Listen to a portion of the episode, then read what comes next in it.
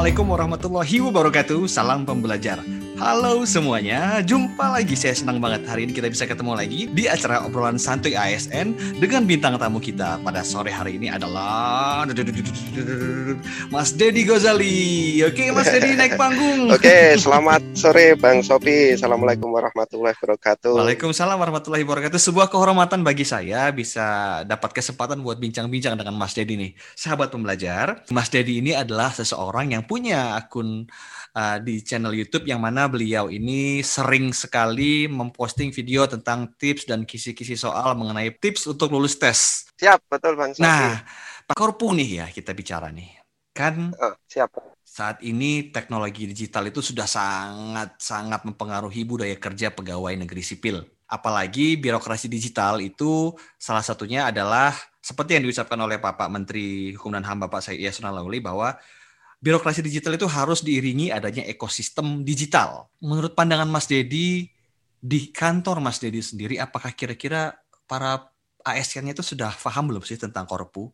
Internalisasi korpu itu sudah masuk belum ke sana? Oke, terima kasih buat pertanyaannya Bang Sopi. Siap. Jadi gini Bang, dulu Batuk. awal saya men mendengar kata corporate university itu, ketika pimpinan saya, kepala rutan, di sebuah apel, dia mengenalkan PIN baru, PIN Corporate University itu, Bang. Oke. Okay. Nah, di situ saya bertanya-tanya, apa sih Corporate University? Karena waktu itu kan apel pegawai kan cuma terbatas, hanya 10 menit saja. Oh. Jadi cuma dikenalkan tapi tidak diberikan arahan corporate university itu ini ini ini. Betul. Cuma diberikan apa itu pemahaman intinya ini adalah program manajemen terbaru dari BPSDM Kumham. Okay. Kalau Pak Kepala nyebutnya dulu seperti itu. Betul. Akhirnya saya tanya nih sama teman-teman yang lebih senior, terutama di kepegawaian. Karena menurut saya kan waktu itu itu kaitannya erat sekali dengan kepegawaian ya Bang ya. Mm. Tapi ternyata apa? Mereka juga belum tahu. Nah dari sini saya rasa untuk sosialisasi tentang corporate university itu memang belum sepenuhnya sampai ke UPT pada akhirnya saya searching sendiri, saya cari di Google, akhirnya ketemu BPSDM Kumham, mm-hmm. saya download materinya, saya baca dan juga ya sering lihat video-video di BPSDM tuh akun channelnya BPSDM. Ketika saya googling, sebenarnya di BPSDM itu sudah cukup bagus untuk sosialisasinya.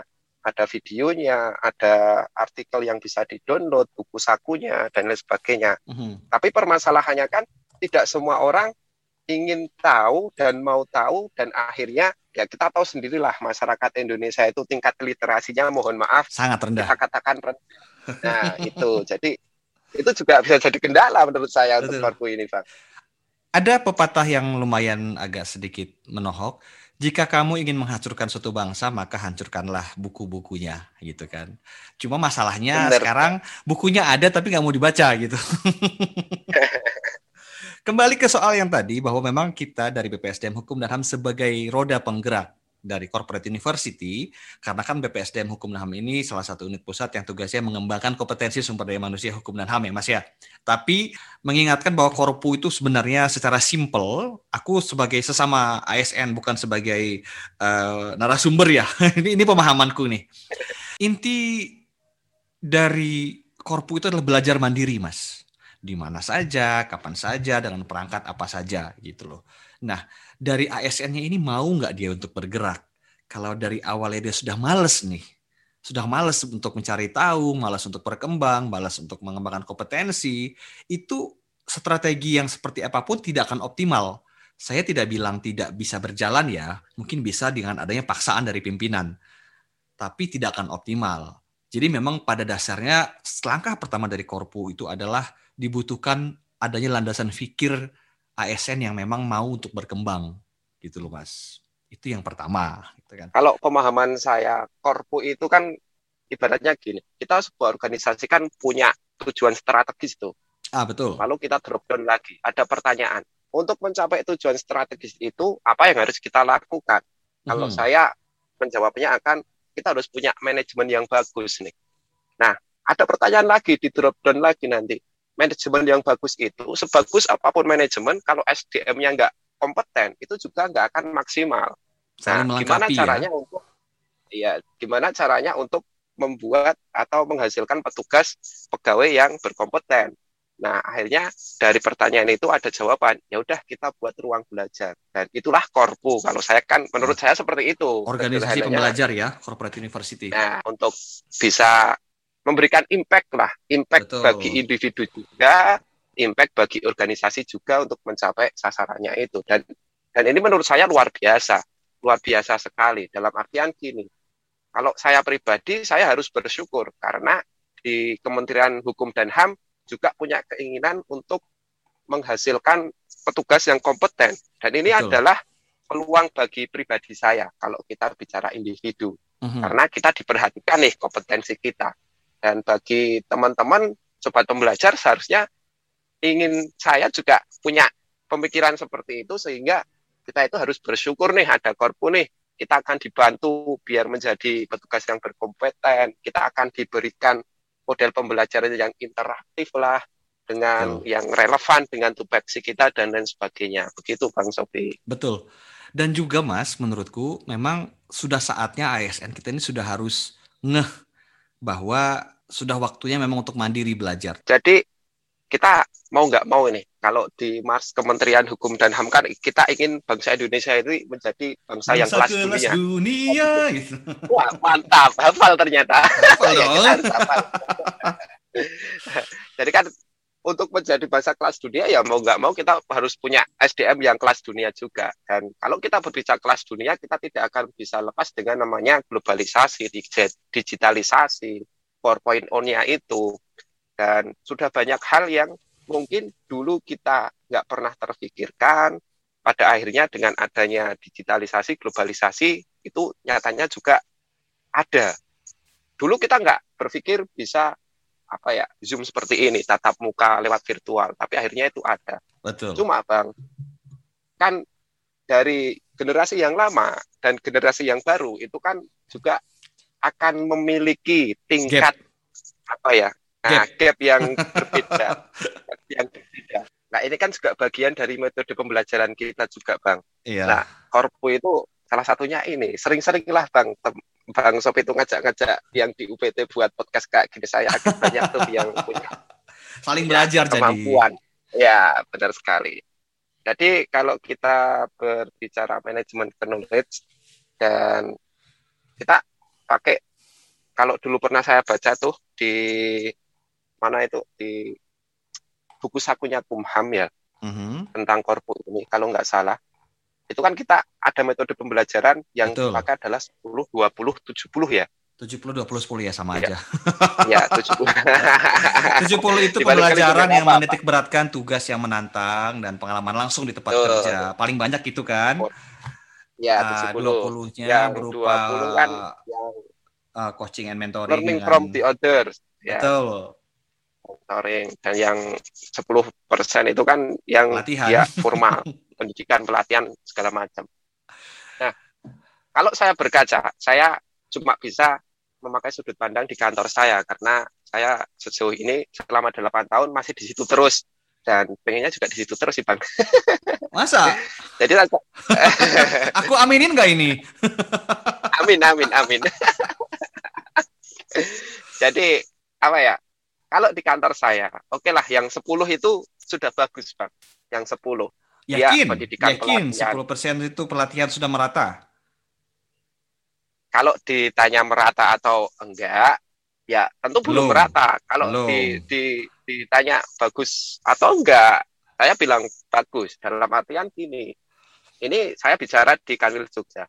Jadi ketika ada pelatihan dari pusat, terus ada surat nih, ada pelatihan ini nih, di sini nanti dari Kanwil turun ke UPT. Dari hmm. UPT kan itu, oh, ini pelatihan apa? Misalkan keamanan dari pihak kepegawaian dropdownnya ke KPR dan hmm. KPR menunjuk ke petugas keamanan. Jadi kalau saya bicara di Kanwil DIY, memang sejauh ini bagus ada pelatihan dan yang ikut pelatihan itu memang sesuai tugas pokok dan fungsinya. Hmm. Kalau kita bicara yang 10 persen, hmm. yang 20 persen coaching dan mentoring itu ini yang menurut saya agak kurang. Dalam artian gini, coaching dan mentoring itu kalau saya mengartikan lebih misalkan kepada komandan ke petugas. Betul. Kalau pimpinan kita ke bawahan. bicara tentang nah, pimpinan ke bawahan lah.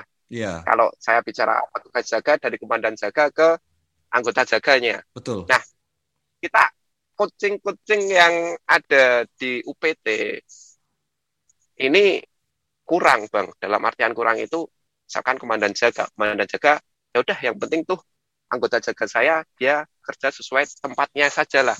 Tahanan Di aman gitu ya, tidak ada pelarian. Nah, tahanan gitu. aman dan sebagainya. Bikin strategi itu susah ya kan? Bikin peraturan menteri itu susah gitu kan? Bikin knowledge management itu susah. Tapi yang paling susah itu adalah mengubah paradigma pegawai. itu paling sekali. susah. Di mana pun ya, kan? ya. Nah, organisasi apa pun mindset itu kan. Nah, dan tantangannya adalah 70% itu merupakan pengalaman langsung di tempat kerja di mana itu berpengaruh uh, ber, ber, ber, uh, berhubungan langsung dengan paradigma yang bersangkutan. Sedangkan implementasi korpo itu kan pada dasarnya itu membutuhkan suatu kondisi di mana organisasi mampu membuat anggotanya itu terus-menerus melakukan proses pembelajaran mandiri, ya kan? Betul. Di mana organisasi pembelajaran kita ini memberi kesempatan nih bagi seluruh anggota untuk terus belajar dan mengembangkan diri. Jadi memang itu yang paling susah. susah bukan berarti nggak mungkin bang. betul kan manusia ini punya macam-macam nih menyerap ilmunya nih ada yang dari belajar baca buku ya kan ada yang dari nonton yes. ada yang dari mendengarkan ada yang dari diskusi ada yang dari arahan dari pimpinan ada yang harus dimarahin dulu mungkin baru ngeh gitu nah di situ yang sebenarnya para pegawai ini bisa memilih uh, mereka ini gampang memahami materi itu dari mana ya? Misalnya dia dengan diskusi. Nah, di Korpu itu salah satunya adalah ada namanya community of practice ya kan Mas ya. Mas pasti Mas Didi sudah tahu kan. Di antara sekian banyak perbedaan eh, antara Korpu dengan training center nih. Aku mampir sebentar nih ke situ. Di mana kalau training center itu dulunya hanya ada bedanya class learning sama e-learning, dua biji ya. Kemudian tapi di corporate university ini ada macam-macam. Ada eh, ada pembelajaran dalam kelas, ada yang e-learning, ada yang gabungan dalam e-learning dan kelas yaitu blended learning di mana mungkin dua minggu awal melalui uh, forum e-learning, dua minggu awal akhirnya virtual dalam kondisi pandemik ya. Ada juga dengan perput, uh, pertukaran budaya, ada coaching mentoring antara atasan pimpinan ke bawahan atau komandan ke anggota anggota penjagaan. Ini kita bicara soal pengamanan ya, masyarakatan ada juga on the job training mana 70 tadi, ada yang knowledge sharing, sharing-sharing tadi, formal ataupun informal. di antara sekian banyak itu kan banyak tuh metode-metodenya yang terdapat di corporate university itu yang mungkin dapat dilaksanakan oleh kita semua untuk dimulai dari sekarang untuk belajar mandiri gitu loh Mas. Nah, memang kembali ke tadi yang Mas sempat singgung mengenai melayani. Jadi tuntutan sebagai kalau kita ambil satu persatu poinnya, ASN ini bertugas melayani kebijakan publik, ya kan? Di mana kebijakan publik ini berupa peraturan-peraturan dan tujuan dari instansi tersebut.